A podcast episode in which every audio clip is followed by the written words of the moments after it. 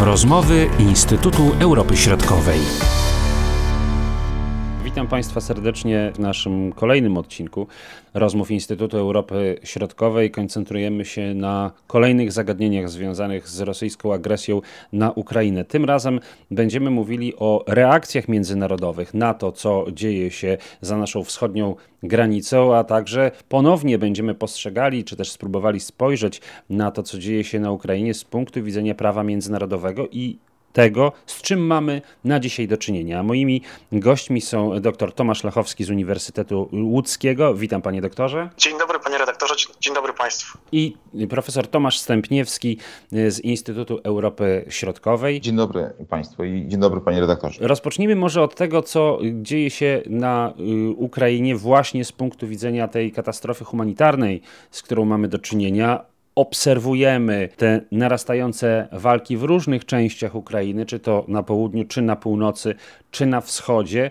dociera do nas coraz więcej informacji mówiących o kolejnych zbrodniach e, przeciwko ludności e, cywilnej. Co można z tym zrobić na już? Doktor Tomasz Lechowski, bardzo proszę. No, rzeczywiście, właściwie każdego dnia trwania wojny, konfliktu zbrojnego widzimy, mm, że strona rosyjska dopuszcza się prawdopodobnie, tutaj jako prawnicy musimy oczywiście założyć pewien margines, ale prawdopodobnie zbrodni wojennych oraz zbrodni przeciwko ludzkości wtedy, kiedy atakowane są szpitale, szkoły, ludność cywilna, karetki pogotowia, czyli wszystkie obiekty, które nie są celami wojskowymi.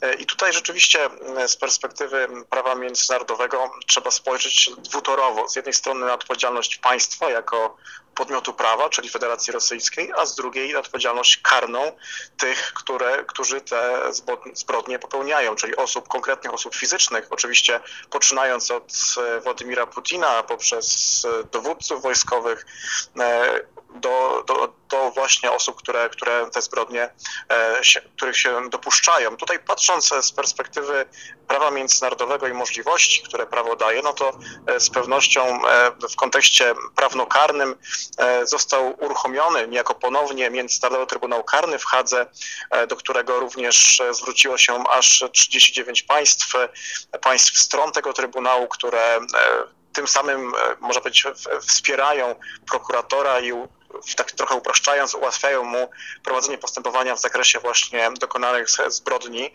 Również poszczególne państwa, w tym Polska, a także Litwa, już wszczęły odpowiednie procedury na bazie prawa krajowego e, dotyczące na przykład wojny napastniczej, której dopuściła się właśnie Rosja do to przykład e, Polski. E, tu również polski MSZ zapowiedział e, takie, stworzenie takiego centrum dokumentacji właśnie zbrodni wojennych, zbrodni przeciwko ludzkości. To na pewno jest bardzo ważne działanie, właśnie dokumentowanie teraz dokonywanych działań, które prawo naruszają, ponieważ w istocie właśnie patrząc na takie już konkretne śledztwa prokuratorsko-sądowe, po prostu, żeby nie zabrakło dowodów, mówiąc bardzo tak wprost, żeby móc rzeczywiście wskazać, że konkretna osoba fizyczna e, takiej zbrodni się dopuściła. To będzie zawsze, to jest zawsze najtrudniejsze w procedurze sądowej, ale w dzisiejszym momencie, kiedy rzeczywiście tak wiele państw e, zaangażowało się w pomoc Ukrainie, również w tym zakresie w Polsce właśnie to centrum działające będzie mogło również odbierać, e, odbierać na przykład świadectwa, zeznania od e, uchodźców, od osób, które są ofiarami konfliktu. Wydaje się, że to, to są takie działania na teraz, e, na teraz w sensie prawnokarnym, a, a w sensie międzypaństwowym, no to właśnie dzisiaj, kiedy rozmawiamy, trwa posiedzenie Międzynarodowego Trybunału Sprawiedliwości w Hadze, który również w ramach swojej kompetencji jurysdykcyjnej pochyli się tym razem nad takim rzekomym ludobójstwem, których które teoretycznie Ukraińcy mieli się dopuścić na Donbasie, a w istocie e, Ukraińcy odbili piłeczkę i e, chcą, żeby MTS sprawdził, czy działania rosyjskie, czyli zabójstwa ludności cywilnej, nie są de facto e, częścią ludobójstwa. Tutaj o ludobójstwie raczej nie mówmy w takich kategoriach, że ono się dokonuje w sensie takim prawnym, ale rzeczywiście ciekawy ruch ze strony Ukrainy i, i, warto też to obserwować. Za chwilę o reakcjach rosyjskich na ten temat będziemy mówili, natomiast teraz przejdźmy do reakcji międzynarodowych na to, z czym mamy e, do czynienia e, i reakcjach powiedzmy w takim ogólnym zakresie samej Unii Europejskiej. Jak możemy ocenić właśnie te reakcje z ostatnich dni, czy może nawet z ostatnich godzin? Tomasz Stępniewski. No, przede wszystkim y, Unia Europejska zmaga się, a przede wszystkim Polska jako państwo od wschodniej flanki z kryzysem e, migracyjnym na skalę, której e, nie widzieliśmy praktycznie od 15 roku.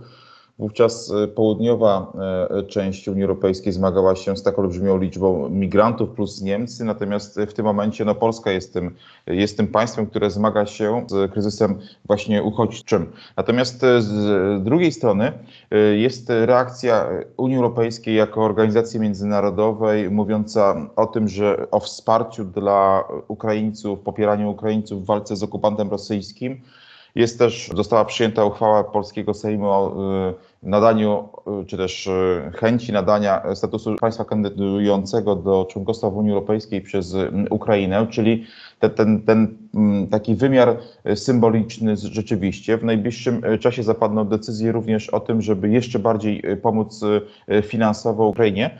E, oczywiście środki finansowe zostały już przekazane, natomiast jeszcze ta pomoc powinna być większa i zakrojona na szerszą skalę. No i przede wszystkim e, Unia Europejska podjęła po raz pierwszy w swej e, historii decyzję o przekazaniu broni Ukrainie, która to będzie zakupowana przez Unię Europejską jako organizację, więc to rzeczywiście pokazuje, że, że reakcja Unii Europejskiej na to, co się dzieje na Ukrainie jest dosyć szybka, biorąc pod uwagę, że to jest 27 państw członkowskich, no to E, tutaj e, mamy stanowisko dosyć szybkie, jeśli chodzi o reakcję i pomoc dla Ukrainy i dla Ukraińców, e, którzy uciekają przed agresją rosyjską. A jeśli chodzi o reakcje rosyjskie właśnie na działania chociażby prawne, jak te reakcje, jakie są te reakcje, jakie informacje do nas z Moskwy docierają? Tomasz Lachowski. Rosja przyjęła taki, przyjęła taki zestaw, taki spis państw nieprzyjaznych Rosji, na której to liście właśnie państw nieprzyjaznych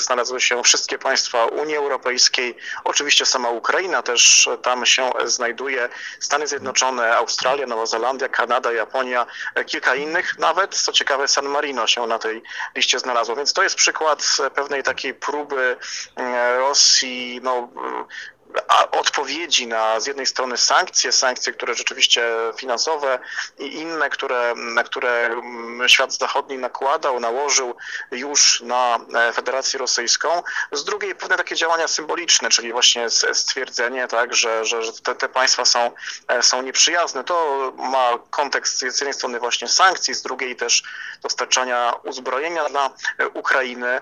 Rosja w istocie w tym akurat kontekście pewnie jak rzadko kiedy jest w pewnej defensywie, dlatego że musi odpowiadać na to, co zrobi Zachód. Z reguły Zachód odpowiadał na to, co zrobi Rosja z perspektywy właśnie chociażby działań agresywnych, rozpętanej wojny. A akurat w kontekście e, tych działań e, sankcyjnych, e, dyplomatycznych, politycznych, to Rosja jest w defensywie, co jest akurat dobre z perspektywy właśnie celów i Zachodu i oczywiście też interesu samej Ukrainy. Tutaj Rosja jak na razie na przykład w w, kontekście trwającego postępowania w Hadze e, doszły do nas informacje, że nie stawili się prawnicy z Rosji na postępowanie, na posiedzenie. To pokazuje e, z jednej strony lekceważenie też dość częste ze strony Rosji właśnie Trybunałów Międzynarodowych, ale z drugiej e, to akurat nie przeszkodzi Trybunałowi, aby podjąć działania, uchwalić środki tymczasowe, które oczywiście Rosja zlekceważy, jak rozumiem, natomiast to jednak jest taki kolejny element presji międzynarodowej, w tym przypadku jeśli chodzi o e, sądy międzynarodowe. Więc akurat powiedziałbym na tej, na tej kanwie właśnie działalności prawno-dyplomatycznej Rosja jest w defensywie i to jest jakby plus dla e, Zachodu i dla oczywiście samej Ukrainy. A co jeśli chodzi o reakcję Paktu Północnoatlantyckiego na to, co się dzieje na Ukrainie? Mamy te komunikaty, prawda, że, e, że państwa NATO, że Pakt Północnoatlantycki nie może włączyć się właśnie do tych działań. Z drugiej strony mamy apele prezydenta Ukrainy na przykład o to, żeby ogłosić e, strefę, strefy zakazów lotów nad państwem ukraińskim. Czy NATO może robić coś więcej, czy to już jest ten maksymalny poziom, następny krok, no to już wiadomo, jaki to byłby krok, otwarte działania wojenne. Tomasz Stępniewski. Z jednej strony y, można powiedzieć, że rzeczywiście NATO reaguje w sposób dosyć y, szybki i opowiada się y, za Ukrainą w tym konflikcie, wspiera państwo ukraińskie. Natomiast musimy pamiętać o tym, że Ukraina nie jest y, państwem członkowskim. Natomiast jeżeli NATO włączyłoby się w sposób bezpośredni. Tak jak zresztą e, dr Lochowski e, powiedział o tym, że już Rosja przyjęła listę państw nieprzyjaznych, gdzie większość państw Europy Zachodniej praktycznie jest na tej liście, więc to świadczy o tym, że, że rzeczywiście to psuje troszeczkę plany, jeśli chodzi o tą taką szybką rosyjską inwazję na Ukrainę. Natomiast NATO z jednej strony, jeżeli spojrzymy to na, z punktu widzenia bardziej emocji, no to rzeczywiście powinno wesprzeć i y, obronić ludność y, cywilną przy, przed atakami niszczycielskimi. Natomiast z drugiej strony nie bez znaczenia było to wystąpienie y, Władimira Putina, zanim rozpoczęła się ta operacja wojenna, czyli jak to Rosjanie mówią, mówiące o tym, że każda próba wsparcia Ukrainy, zaangażowania militarnego spotka się z odpowiednią reakcją, czyli to będzie oznaczało wypowiedzenie wypowiedzenie wojny i rozpoczęcie wojny pełno, pełnoskalowej na kontynencie europejskim. I tego oczywiście państwa członkowskie nie chcą i musimy też pamiętać o tym, że co innego jest, jeżeli mm, chodzi o pomaganie, wspieranie y, y, Ukrainy, natomiast z drugiej strony, jeżeli mówimy już o otwartym konflikcie, w którym NATO będzie stroną, no to y, myślę, że y, społeczeństwa państw członkowskich NATO nie do końca opowiadają się za takim rozwiązaniem, dlatego też myślę również, że część przywódców e, Sojuszu Północnoatlantyckiego zakłada, że prędzej czy później dojdzie do e, jakichś negocjacji pokojowych i na to liczą, że wspieramy Ukrainę, pomagamy, jeśli chodzi o sprzęt, jeśli chodzi o powiedzmy wywiad i, i, i różnego innego działania, inne działania, natomiast nie angażujemy się bezpośrednio, gdyż oznacza to konflikt ogólnoeuropejski, którego nikt nie chce. Jeśli chodzi o działania prawno-międzynarodowe, czy można jeszcze rozpocząć pewne dodatkowe działania, z którymi do tej pory nie mieliśmy do czynienia? Czy to już jest, można powiedzieć, ten, to maksimum, które zostało osiągnięte? Tomasz Lachowski. Czy osiągnięte to pewnie nie, natomiast rzeczywiście Ukraina właściwie nie tylko przez te ostatnie kilka dni, czy już 11-12 dni walki o niepodległość, ale właściwie przez 8 lat wykorzystuje wszystkie dostępne środki prawno-międzynarodowe, na czele z najważniejszymi sądami międzynarodowymi. Mówiliśmy o sądach haskich, również Trybunał Praw Człowieka w Strasburgu, e, arbitraże, kilka innych. Także tutaj, krótko mówiąc, e, z perspektywy takiej aktywności Ukrainy sądowej, dyplomatycznej, te działania są podjęte i one co do zasady są na korzyść Ukrainy i w rozumieniu tych ośmiu lat i tych ostatnich e, kilkunastu dni, bo rzeczywiście już pierwsze też decyzje zapadły. Europejski Trybunał Praw Człowieka również wydał swoje zabezpieczenie sprawy, w której nakazał Rosji wstrzymanie działań wojennych. Oczywiście widzimy, jaki jest rezultat, ale to pokazuje, że właściwie większość mechanizmów, instrumentów już jest wykorzystanych. Rzecz jasna są takie reżimy, na przykład reżim OBWE, gdzie również można pewne mechanizmy wykorzystać, na przykład mechanizm moskiewski, notabene, który dotyczy właśnie kwestii noszenia praw człowieka przez jedno z państw stron OBWE, czyli Rosję. Natomiast te działania już mają mniejszą taką moc, jeśli chodzi o kwestię wiążącą, bo te reżimy co do zasady e, są bardziej polityczno-prawne niż stricte prawno-międzynarodowe. Więc e, oczywiście to nie oznacza, że prawo międzynarodowe już jakby wyczerpało się. Natomiast rzeczywiście z perspektywy dostępnych środków wydaje się, że większość postępowań już jest albo wszczętych, albo dopiero, albo zaraz będą wszczęte.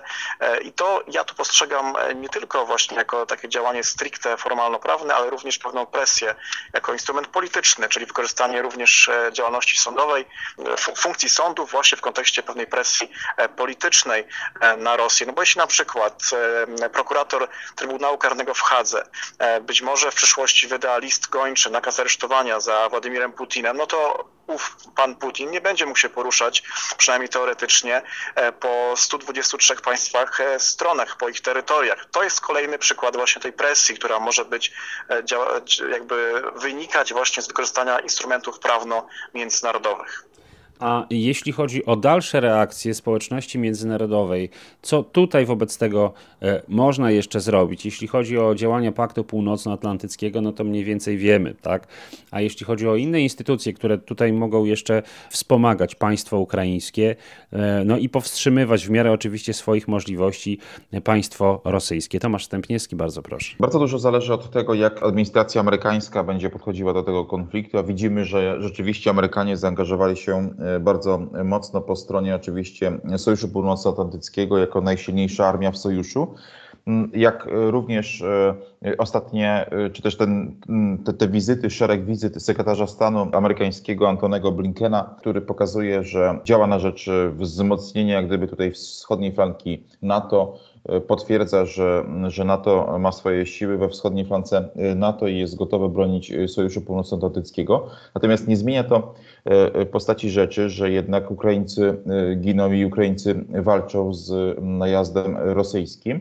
No i przede wszystkim ta olbrzymia skala uchodźców. Y, jeżeli te, te działania wojenne będą się przedłużały i nadal będziemy mieli do czynienia z taką olbrzymią falą uchodźców, no to myślę, że ten scenariusz mówiący według danych UNHCR-u o 3 do 5 milionów y, uchodźców, więc to, to robi się y, poważne wyzwanie dla państw, szczególnie tutaj graniczących z Ukrainą. I tutaj myślę, że Problem polega na tym, że te wszystkie, ta, ta, ta reakcja ze strony y, Zachodu, ona, ona jest w pewien sposób wkalkulowana w koszty y, y, tej operacji rosyjskiej na Ukrainie i dlatego też myślę, że jeżeli nie dojdzie do przesilenia albo jeżeli nie dojdzie do powiedzmy znaczących strat, jeśli chodzi o mm, armię rosyjską, to w ten sposób y, trudno będzie oczekiwać, że Rosjanie y, zmienią kierunek działań. Oczywiście Zachód y, ma do dyspozycji sankcje, ale i sankcje zostały nałożone, natomiast sankcje to jest instrument długofalowy,